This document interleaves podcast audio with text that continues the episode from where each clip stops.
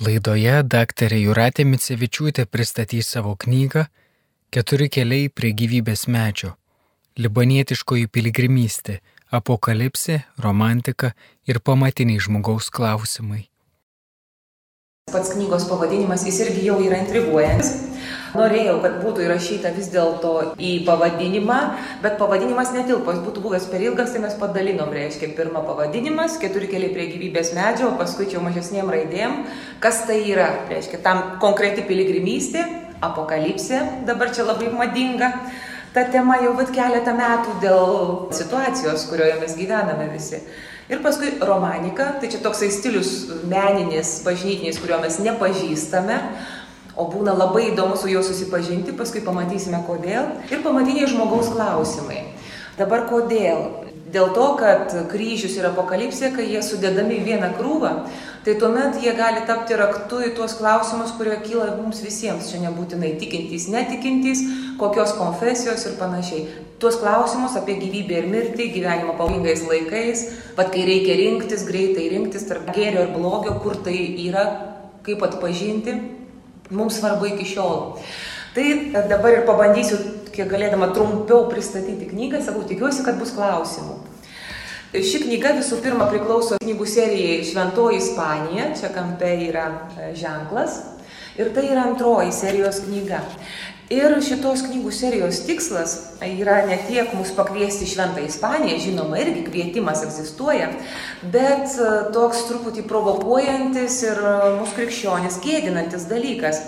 Čia jeigu atsiversite praktinį gidą, tai pamatysite pradžioje yra epigrafas, e, tai yra musulmonų autorius Tahir Šah, Daug kas turbūt esate skaitę jo Tūkstančio ir vienos nakties šalyje knygą arba Kalifo rūmai, va tokia labai irgi skaitoma buvo. Ir jis tiesiog taip kritikuoja krikščionis. Sako, kad mes savo simbolių nepažįstam, kad mes turim sukaupę lobius, tie lobiai yra bažnyčiose, tos bažnyčios lankomos kaip muziejai dažnai. Ir žmonės pasižiūri tą visą grožį, bet nepasižiūri to, ką tas grožis perteikia.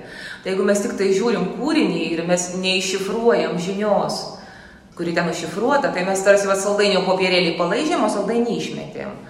Nes saldainio popierėlis gražus, blizga ir taip toliau, bet tai, tai yra keutas. Ir bet kuri kultūros vertybė tai yra tik tai toks kaip apvalkalas, jeigu nėra viduje dvasios, kuri teikia gyvybę tam grožiui, nu, tai tik apvalkalas ir lieka. O dvasia, jeigu lieka neapvilkta nieko, tai tik tai oras, mes jos negalim paliesti, mes per daug kūniški esam. Tai simboliai mums reikalingi. Ir va Tahiras Šachas sako, kad sekmadieniais bažnyčių lankytojai būdavo mokomi, kaip studijuoti pasakojimus ir kaip suvokti jų giliausią prasme. Sėdinčius klauptuose krikščionys supo stulbinama simbolių įvairovė. Bet dabar kas atsitiko? Jaunimas atskirtas nuo senovinio mąstymo neižvelgia simbolių religijoje, pasakose, mene. Prisimenat, kaip popiežius skatino klausinėti senolių? Čia tai yra truputį iš tos pačios serijos, kad mes turim klausinėti simbolius. Esu tikras, kad simbolius vėl galima paaiškinti, kad vakarų visuomenė vėl pradės jais domėtis, išmoks naudotis begaliniai sukauptos išminties sluoksniais, kuriuo akivaizdoje gyvena. Tai čia ir buvo iššūkis, rašant šitą knygą, perskaityti tą palikimą, kuris mums gal atrodo senas, nes Teresės Avilietės maršrutu Keliaudami mes nusikeliam 500 metų laikę, bet jeigu keliaujame liebanietiškosios piligrimystės keliu, tai mes nusikeliame 1200 metų į praeitį. Atrodo, taip seniai, taip toli tai buvo, o pasirodo tai, ką užšifravo vat, mūsų protėviai, mes paveldėjome jų, jų išmintį. Tik mes nemokam iššifruoti, mes nemokam išlūpto paketo, jis taip ir lieka. Tai čia mums iššūkis perskaityti, ką jie mums paliko. Ir kvietimas šitą knygą yra būtent atrasti mūsų tą senąjį palikimą. Ir čia irgi kartu pasidžiaugsiu, kad serijos dailininkė yra ta pati, Juratė Kemeklytė Bagdonienė. Tai netgi pats knygos formatas, jinai taip norėjo, kad netgi atkreipkite dėmesį, kad pati knyga kalbėtų apie tą temą, kaip jinai tai padarė. Knyga yra sudaryta iš dviejų dalių ir centrinis skyrius, kuris jungia taip kaip durų, va, durys varstosi. Tai centrinis knygos skyrius, jūs pamatysite, kad jisai yra va toks, ar ne? Tai čia va tai yra tas kryžiaus skersinis, kuris įdėtas į knygą. Tai čia irgi buvo labai įdomu. Jis man iš pradžių, kai pasakė, sako, žinai, aš centrinį skyrių dėsiu atvirkščiai, horizontaliai. Sakau, nu tu iš proto išsikraustai, nu, nu kaip žmonės skaitys, nugi nepatogu. Nedaryk, mes susibarėm. Jis sako, darysiu. Nu, padarė, tada jinai man atsiuntė, aš pasižiūrėjau ir man atrodo, nu, pasakysit savo nuomonę, man pasirodė toks geras Tikrai labai geras rezultatas, kad pačioj knygoje yra kryžiaus tasai. Tai va, atkreipkite dėmesį, sakau, labai, labai gera dailininkė. Tai čia tiesiog mes pasistengėm, kad šita knyga irgi tam tikrą prasme veiktų truputį kaip simbolis. Mes tiesiog esam atpratę taip skaityti. Ir dabar, kodėl, pavyzdžiui, mums yra svarbus tas senasis palikimas. Keliaudami laikė, mes esame kai ką labai svarbaus išbarstę. O tiesiog eini laikė, keliauji, mados keičiasi, perskaitimai keičiasi ir mes kai ką pamirštam. Tai čia vienas iš pavyzdžių, ką pavyko atrasti ir kuo noriu pasidalinti ir aš manau, kad tai svarbu. Tai čia mes matom keturis apokalipsės raitelius, bet mes matom dvi versijas. Viena versija mums yra puikiai pažįstama, ta, kuri yra mūsų kairėje. Tai čia yra pagal Albrechtą Dürerį, kaip 15 amžiaus garsusis graveris, nu tikrai nu, genialus kūrinys.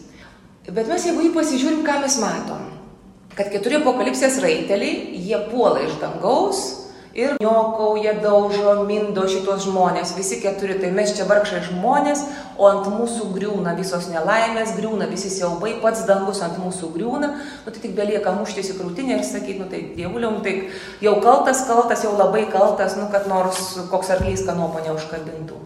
Tai dabar, jeigu mes nusikeliam keturis amžius atgal į praeitį ir pasižiūrim 11 amžiaus miniatiūrą, tai šita miniatiūra kaip tik va, priklauso komentarui apokalipsis, kurio autoriumi aš čia sėku kaip gidu šitoje knygoje.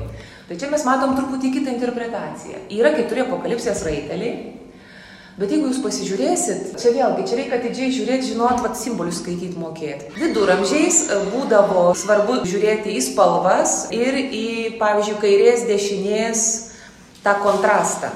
Ir va šitam piešinėlį mes matom, kad vienas žirgas yra baltas. Nu, jis taip nusėtas taškučiais, bet jisai baltas. Ir dar mes matom, kad raitelis jojantis ant šito žirgo, jeigu atkreipsite dėmesį, jisai tempia lanką kaip dešinėrankis. Visi kiti laiko, nu, tuos įrankius arba ginklus jie laiko kairėje rankoje. Tai čia iš karto va, jau pats dailininkas mums duoda užuominą. Paskui komentare tai irgi yra parašyta. Ir apokalipsija šitą interpretaciją neprieštarauja. Iš tiesų, apokalipsijos knygą mes ją paimam atsiverčiam, jinai nepasisako nei už Diurerio versiją, nei už šitą versiją. Bet skirtumas yra fundamentalus. Šitoj versijoje visi keturi raiteliai puola ant žmonių, yra baudžiantys. Šitoj versijoje vienas raitelis yra ginantis. Trys puola, vienas gina. Tas, kuris baltas, tas, kuris dešinė rankis Ir iš apokalipsės mes žinom, kad tai yra nugalintis raitelis. Tai dabar mes matome, kad ten dar ir angelas, va jam tą karūną dedant galvos viršų, čia yra daug tokių nuorodų. Nu tai iš tiesų tai yra paguoda. Trys mus puola, bet vienas tai gina ir užuominos mums nurodo, nu, kad greičiausiai pats viešpats mus gina. Nu tai kurį rinktumėtės sunkia valanda? O apokalipsė nesako, kaip reikia skaityti. Vienas simbolis. Dabar kitas dalykas. Pamirštas santykis. Iš tiesų irgi čia tos iliustracijos, kur bus tokios truputį keistesnės, tai jos bus iš apokalipsės komentaro, čia Betas Leibanietis parašė, aš pagal jo darbą einu šitoje knygoje, stengiuosi vat, iššifruotas, nulaužti tą kodą. Čia vienas man sako, žurnalistas sako, nu tai tu hakerės, sako, nu bandau, aš dar tik mokausi, bet hakeris yra geras dalykas, kartais tas jų menas. Pats santykis su uh, paveikslu yra kitoks. Čia yra pasaulio pabaigos tokios dvi versijos. Šita, kur žemesnė, spalvingesnė, yra vėlgi 11 amžiaus versija, o čia yra 17 amžiaus versija, kuri mums priimtinesnė. Tai mes 17 amžiaus versijoje matome, kad ateina, aišku, iš dangaus, čia jau matom atneša tą ženklą, kryžius leidžiasi, čia dangus atsivėręs, jau čia Kristus tuoj ateis, čia visi skirstomi vieni į kairę, kiti į dešinę, vieni žūna, kiti Jau kaip ir išgelbėjimas ten matosi tas stiklo miestas, krištolo miestas fone. Bet versija 11 amžiaus yra truputį kitokia ir daug sudėtingesnė. Mums nepateikia paveikslo, kad mes tiesiog žiūrim į paveikslą, mes tiesiog pasyviai arba bijom, arba nebijom, daugiau mes nieko nedarom. Bet jeigu mes žiūrim į šitą, pavyzdžiui, paveikslą, kuris yra 11 amžiaus, mums siūlomas visai kitoks santykis Nes čia mes turim susikonstruoti pasakojimą patys. Mes matom ne vaizdą, kurio mes tik emociškai galim reaguoti. Į šitą vaizdą mes galim įeiti. Nes čia viduramžiais kaip įprasta, jie konstruoja kelias scenas vienu metu. Reiškia, moteris aprengta saulė yra va ten šonė, kurią ten slibinas puola. Ta pati moteris perduoda Dievui sūnų vaiką, matot? Va čia šitam dešiniam viršutiniam kampe. Ir ta pati moteris, va ten truputį tamsesnė, su tamsiais sparnais, kairiam apatiniam kampe, jinai jau yra paslėpta. Ir čia drakonas, reiškia, išvėmė paskui ją vandens rovę, kad ją paskandintų, bet žemė tą srovę praryja ir ją išgelbsti. Tai va, vienoj scenoj mes matom, vienam šitam paveikslė matom tris scenas, mes matom visą vyksmą. Čia yra toks, nu tiesiog kaip filmukas, čia video iš tikrųjų yra. Dar daugiau. Tas filmukas vyksta ne ten, jis, jis tik tai mūsų galvoj pasidaro. Ir dar mes matom, kas tuo pat metu vyksta skirtingose lygiuose. Angelai kovoja prieš slibiną. Tai angelai reiškia stengiasi gelbėti žmonės, traukia juos iš numirusiųjų karalystės. Ir šietonas yra surakintas. Vėlgi, tai dabar šitoj scenoje mes tik matom vieną vienintelį tokį dalyką, kuris mums ten kelia baimę galbūt. Šitoj scenoje matom visą pasakojimą ir jisai nuteikia viltį iš tiesų. Tai yra daug sudėtingiau, bet tai mus įtraukia daug labiau, mus įtraukia daug daugiau lygių. Taip pat ir ne tik tai emocinių tuo lygių, kur mes bijom arba nebijom, bet ir kviečia interpretuoti, perskaityti istoriją. Tai tai yra svarbu iš tiesų, kad mes tampam aktyvūs. Ir dabar jau visai čia tiesiog pora pavyzdžių buvo, kodėl mums svarbus tie senieji simboliai, ką mes esame iš tiesų išbarsti ir kad tai yra reikalinga. Ir čia jau einam į mūsų kontekstą.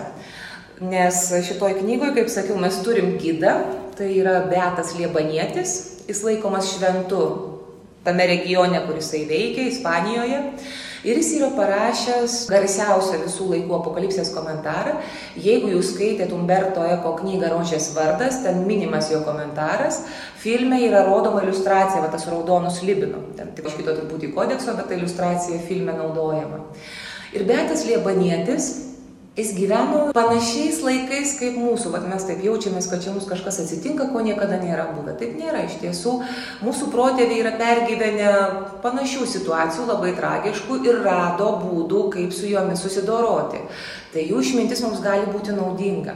Tai Betas Liebanietis mus pakviečia eiti į tuos būdžius laikus, kaip mes svarstom. Ir dabar kokie tai buvo laikai.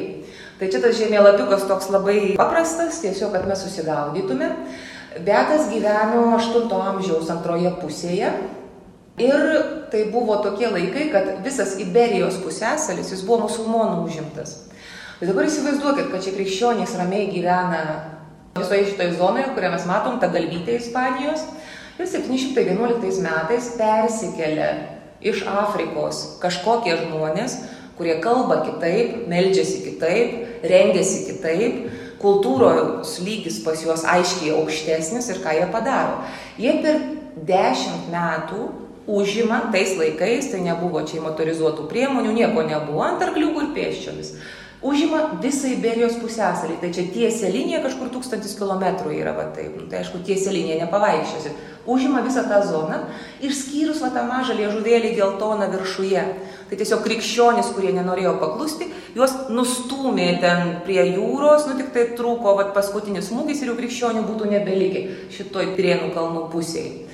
Ir pirmoji įvyko pergalė krikščionių, pirmas mūšis tik po dešimt metų. Reiškia, dešimt metų krikščionys buvo stabiliai stumiami tolin, tolin, tolin, pagaliau 721 metais pergalingas mūšis šiaurėje. Ir e, dabar kita žvaigždutė viršuje, kur gyveno Beatas Liebanietis, jis gyveno toj mažoj teritorijoje. Ir jisai ką? Jisai gyveno savo nuošuliam kalnų slėnį ir jisai matė, kaip į tą slėnį plūsta pabėgėliai. Tai va čia irgi mums bus pažįstama situacija. Ir eina tie pabėgėliai, nešasi relikvijas, nešasi bažinės knygas, tai kas svarbiausia. O jis žiūri į tą visą baisų vyksmą. Ir 776 metais jis parašė komentarą. Ir paskui tik tai jau 9 amžiuje prasidėjo va, tas, čia toliau dar trys datos, kai buvo stumiami musulmonai iš Ispanijos po truputį, klavicho mūšis, tai čia toks pirmas mūšis, kur Jokūbas šventas apaštalas pasirodė su kalaviju mosuodamas, tokia buvo situacija, reikėjo, reiškia, kad būtų karingas tasai šventasis.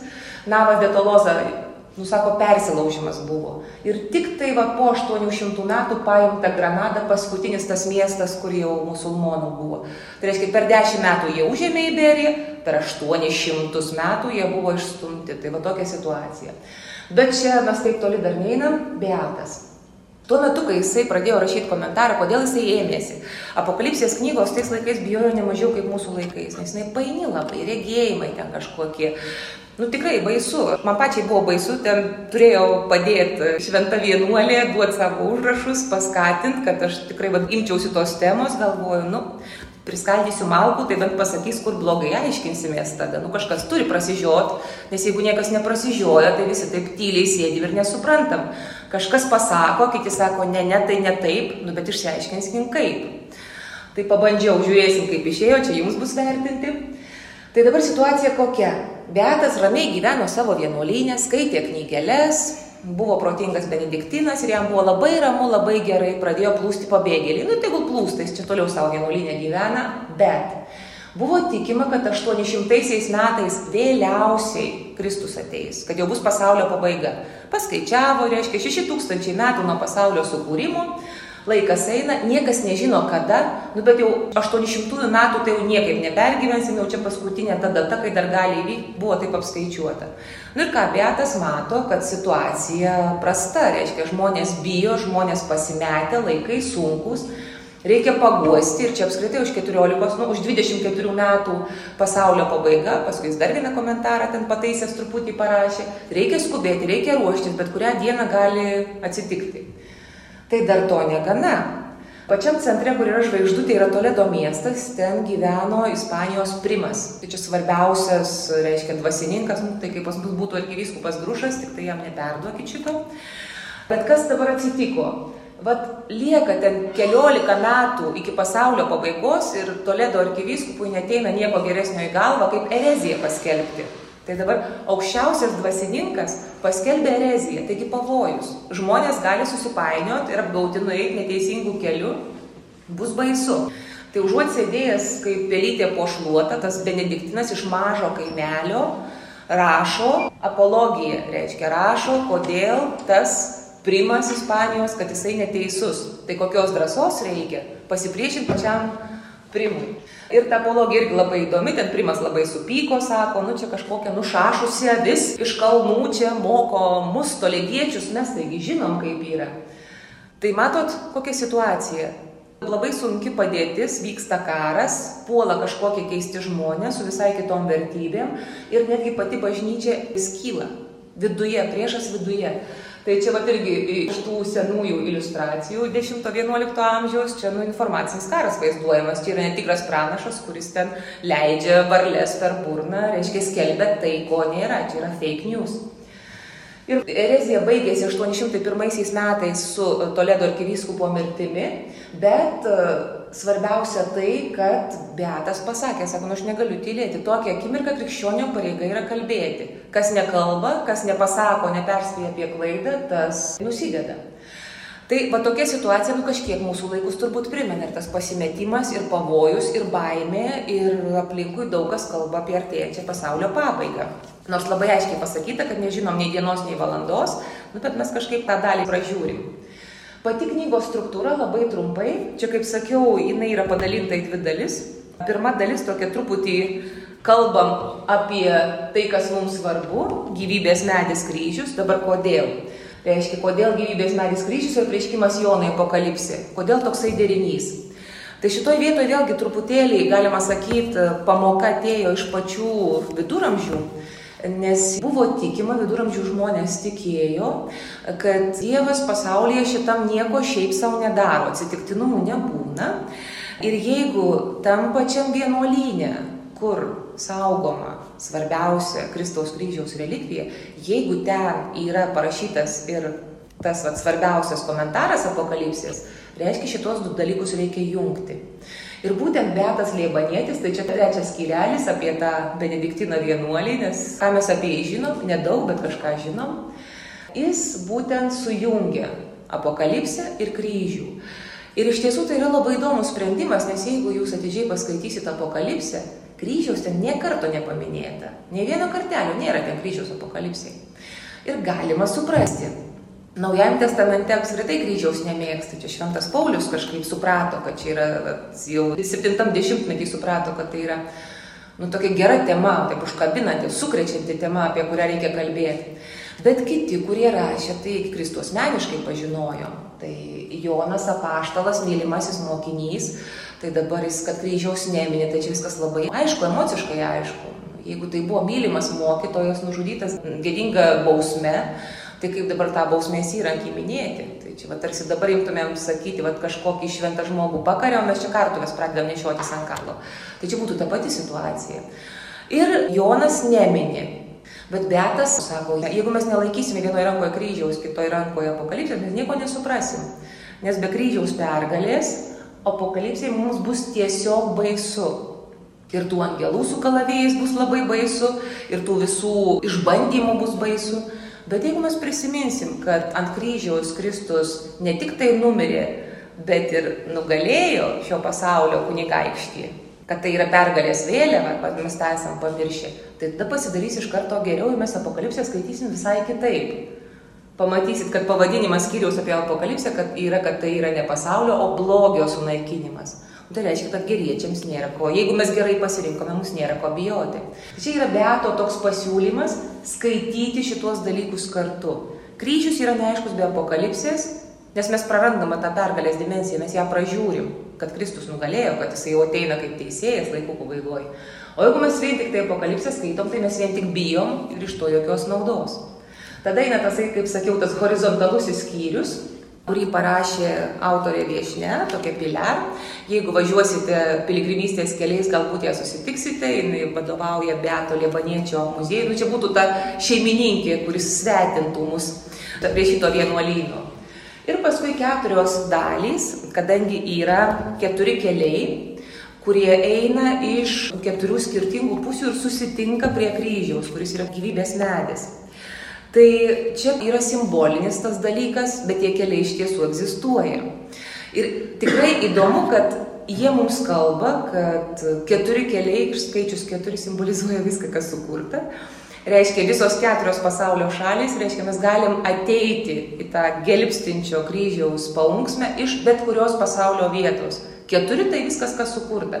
Mes esam kažkurioje sukurtos visatos vietoje, iš visur tas gyvybės kelias veda. Nu, bet jeigu eisim realiai, tai bus keturi keliai, kurie va čia taip keturi ir matosi iš keturių pusių. Ir jie eina tokiom labai kontrastingom vietovėm. Ir čia truputėlį pabandžiau surasti tuos svarbiausius keturis simbolius, kuriuos galima apmastyti. Va einam keliu, laiko yra, ypač jeigu pėsčiom einam, tai kažkur savaitę tuo vienu keliu eini, apie ką mąstyti. Tai galima žiūrėti į šalis ir nieko nemastyti, o galima va, tai, ką mes matom aplinkui, ir gamtą, ir kultūros paminklus, mes galime juos bandyti perskaityti, savo kažkokią žinią gauti. Ir vienas kelias deda palei jūrą, tas svarbiausias, ir jame jūra yra svarbus simbolis. Beatui, Liebaniečiui jūra ne taip, kaip mums buvo, ne atostogų vieta, tai buvo mūsų pasaulis. Mūsų pasaulis yra jūra. Kartais, va, tiesiog tokia rami krištolinė, gražus mėliukas, saulytė šviečia. Nu, va, kaip pas mus buvo prieš kiek? 3-4 metus, ar ne, jau ten bankų krizė praėjo, jau čia viskas nusiramino, mes čia pradėjom svajot, kur čia mes į kokią ramiojo vandenino salą važiuosim atostogauti, čia didžiausias rūpestis buvo tarpusavyje rėtis pradėjom, tai čia irgi ženklas, kad viskas gerai. Jeigu rėjamės dėl smulkių dalykų, tai reiškia didesnių problemų nėra. Ir staiga audra jūroje. Viskas, orientyrų nesimato, tamsa, pavojus, visi pasimetę, išblaškyti. Jūra yra toksai dalykas. Ir Beatas skaito irgi apokalipsėje, sako, nu taip, apokalipsė sako, kad, pavyzdžiui, sakoma, apokalipsės 20 skyriui 13 eilutė, kai ateina Kristus, jūra atidavė savo numirėlius. Ir jisai sako, čia yra tie žmonės, kurie dar buvo gyvi Kristuje ateinant, fiziškai gyvi, bet tiek paskendę materialiniuose dalykuose, tiek paskendę šito pasaulio jūroje, kad jie buvo nugyvi, numirėliai vaikščiojantis. Tai tokių turbūt ir dabar esama. Nu ir paskui, kai yra sakoma, kad reiškia Dievas kūrė naują dangų, naują žemę, o jūra kur? O jūros nėra. Šio pasaulio jau nėra. Jis jau yra perkeistas. Tai čia yra Beato toks pasiūlymas ir vat, einant šituo keliu mastom apie jūrą. Tai čia įvairių citatų irgi pasiūliau iš Beato Liebaniečio ir galima vat, eiti ir skaityti. Toliau, antra labai svarbi tema yra kova. Ir yra vienas kelias, kuris veda per kalnus. Taip, ištisai per kalnus, gražus kalnai, 2000 su viršum viršūnės siekia, arti jūros.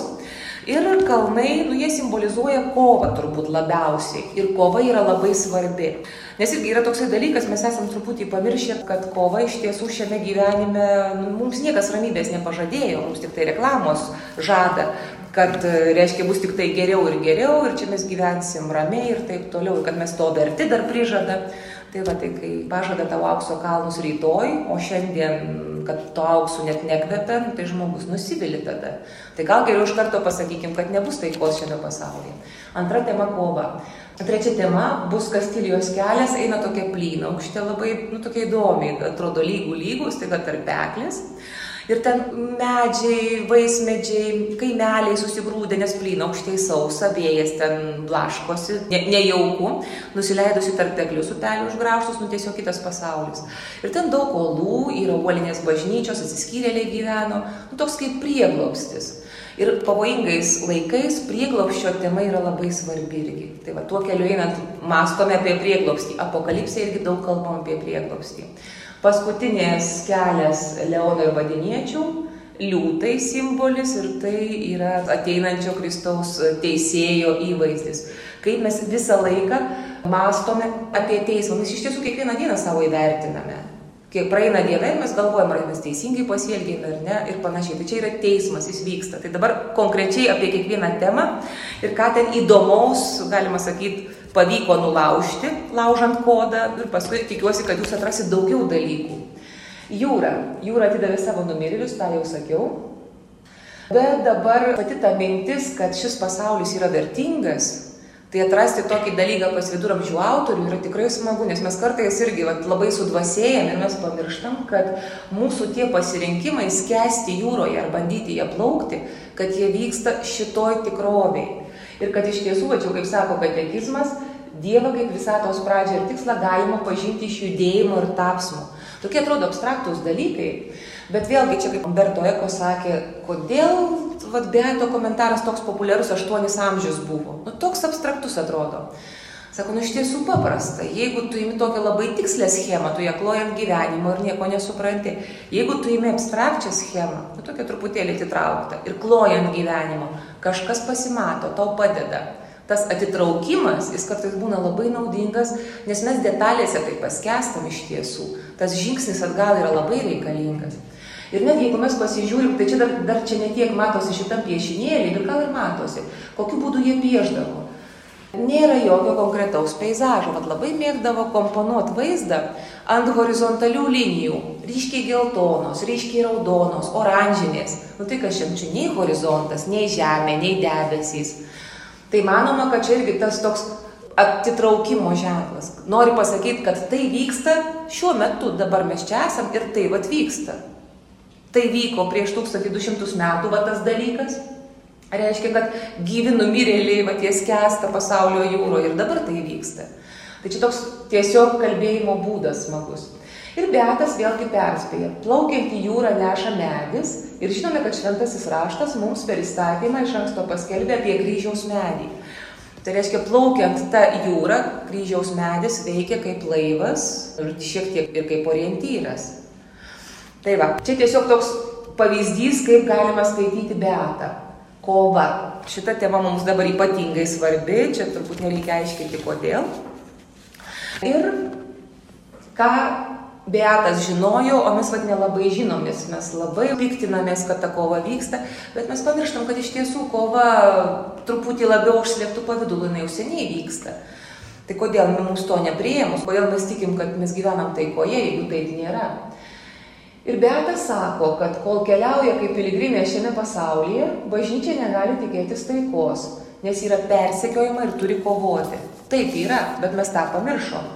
Ir pavyzdžiui, jeigu mes skaitysim katekizmą, bet atsiverčiam katekizmą, randam tą patį. Nu, reklamos mums to nesako. Ši dramatiška viso pasaulio, kuris yra piktojo pavergtas būsena, žmogaus gyvenimą paverčia kova. Per visą žmonijos istoriją tęsiasi atkakli kova su tamsybių galybėmis. Pradėta nuo pasaulio pradžios, ji truks, kaip sako viešpats, iki paskutinės dienos. Įtrauktas į šią kovą žmogus turi nuolat grumtis, kad laikytųsi gėrio. Ir šituose iliustracijose mes irgi matom tai, ką mes esam truputį pamiršę. Tarkim, Dievo vinėlis. Mes įpratę jį matyti, va čia kaip apačioj, jis pavaizduotas gulintis. Nu, tai dažniausiai jis guli ant užverstos knygos su septyniais anspaudais.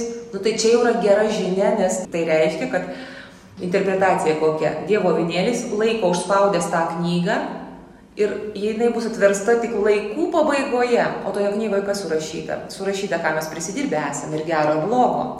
Tai reiškia, iki pat paskutinės akimirkos yra galimybė apsisukti ir pasitaisyti. Tai kol avinėlis tą knygą užspaudęs laiko, viskas tvarkoja. Nu, tai čia gera žinia. Bet Beatui buvo svarbesnė kita žinia. Jo laikais avinėlis visada vaizduotas stovintis. Čia viena tokia iliustracija yra. 10 amžiaus autorius stovi ant Siono kalno. Ir yra perspėjama, vat, kad tai simbolizuoja stovi, tai jis yra budrus, jis yra kovoja. Tai ir mes gal neplanuokime čia, kad šiame gyvenime pailsėsime, reikės stovėti kaip tam avinėliui ant kalno iki paskutinės dienos. Nes koks yra dar vienas, nu, tikrai toks vilties teikiantis dalykas. Sako tamsus viduramžiai ir panašiai, bet žmogumi tai jie tikėjo.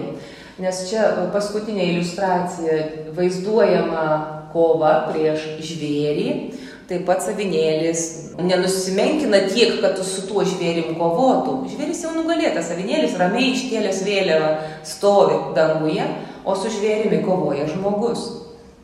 Reiškia, mes turime galę kovoti. Bijoti nereikia, reikia pasirinkti teisingą stovyklą ir kovoti. Tai va, tai šita žinia yra nu, viltį teikianti, nes kartais mes jaučiamės labai bejėgiai situacijoje šitoj. Tai reikia prisiminti, kad avinėlis jau nugalėjo ir jis kviečia tiesiog dalyvauti savo pergaliai. Čia dabar yra apie besislepiančius ir su šitom iliustracijom čia dvi idėjų. Iš pirmo žvilgsnio čia to paties autoriaus, 10 amžiaus. Tai iš pradžių, kai parinkau iliustracijas, aš iš pradžių buvau susimaišius. Kaip Jūs manot, ar besislepiantys, čia kur kalne taip sėdi žmonės, tai čia jie slepiasi, olose, ar ne? Čia ir vieni slepiasi, ir kiti slepiasi. Iš pradžių jie man atrodė, nu vienodi, nu ir tie slepiasi, ir tie slepiasi. Bet su šitom iliustracijom reikia labai atidžiai elgtis, kaip ir beata, reikia labai atidžiai skaityti. Kaip jie slepiasi. Ar matot skirtumų? Čia dabar nesakysiu, kad dešimt skirtumų surastumėt, nes per, per daug čia užtruktumėm. Yra, čia dar bus įdomesnių temų, bet Čia guli. Ir susigrūdė. Žemiau. susigrūdė girdėjau žodį. Tai šitie, pasižiūrėkit, kokie tokie susigrūdė, išsivartė į visas pusės, matot, va šitie, atkreipkite dėmesį. Nu, va tokie tiesiog va. O tie sėdi, va tokie kaip vinukai visi tvarkingai, ar ne? Tai čia yra dvi skirtingos slėpimosi rūšys, galima sakyti, pabėgimo rūšys. Ir paskui apokalipsėje taip ir yra. Apokalipsėje bėga ir tie, kurie bėga nuo antikristo, kuris naikina teisiųjų miestą, matot? O jie tuo metu ramiausiai savo sėdi pabėgę, ramiai viskas tvarkoj. O čia yra, kai kruša pasipila iš dangaus, Dievo bausmės, šitie atgailauja. Šitie bijo, atgailauja, jie jaučiasi nusikaltę, jie jaučiasi nesaugus. Nors pabėgo ir pasislėpė, bet jie sako, kalnai griūkite ant mūsų. Skirtingos reakcijos. Tai maždaug šitie ir šitie, tai čia galima sakyti, kad, nu, va, sako, tą dieną žmogus nusimė savo aukso ir sidabro papiktinimus, kuriuos buvo pasidaręs tam, kad juos gaibintų, ir tuomet jau pajėgs įeiti į tvirtas kalno olas ir grotas akmenyje. Tai čia tie, kurie teisingai išsigelbėja. Nusimeta visus tuos pavojus, reiškia tai, kas jiems aukso ir sidabro papiktinimus, ramiai susėda ir laukia. Nesvarbu, kad antikristas ten draskosi, degina, žudo ten, jis, jiems, jiems ramu, jie tvirtai jaučiasi savo kalne. O šitie vad bijo. Tai čia kaip iš Mato Evangelijos, ten kur prapliupo liūtys, ištvino upės, reiškia, daužėsi į tą namą, tačiau jis nesugriuvo, nes buvo pastatytas ant uolos. Tai va šitiems atrodo griūva viskas, tiems negriūva. Čia yra skirtumas tų, kurie pasistatė ant uolos, o čia tie, kurie nebuvo pasistatę ant uolos. Tai ir Beata sako, apokalipsė tai nėra kaip orų prognozija, kad va jau prapliups tos liūtys. Ne, ne, sako, čia yra, nu, vadovėlis, kaip tą tvirtą namą pasistatyti. O tvirto namo mes nepuolam statyti tada, kai jau liūtys prapliumpa, jau turi jisai stovėti, nes, nu, nuneš elementariai per vėlų. Tai reiškia, mes gal nežiūrėkim orų prognozės, čia lis ar nelis, bet imkim ir statykim namą, nes ta liūtis vis tiek kada nors ateis. Ir išbandymas kiekvienam žmogui ateis. Ir jeigu mes to tvirto namo neturėsim, sako Beatas, nu tai viskas nuneš. Čia ne, nebūtinai reikia ir kad Kristus ateitų, nes vėlgi, kaip sako Beatas, kai žmogus numiršta, tai jam ir yra ta paskutinė diena. Viskas, paskutinė diena, paskutinis teismas, kiekvienam bus. Girdėjome daktarės Juratės Micevičiūtės knygos Keturi keliai prie gyvybės medžio pristatymą. Kalbėjo knygos autorė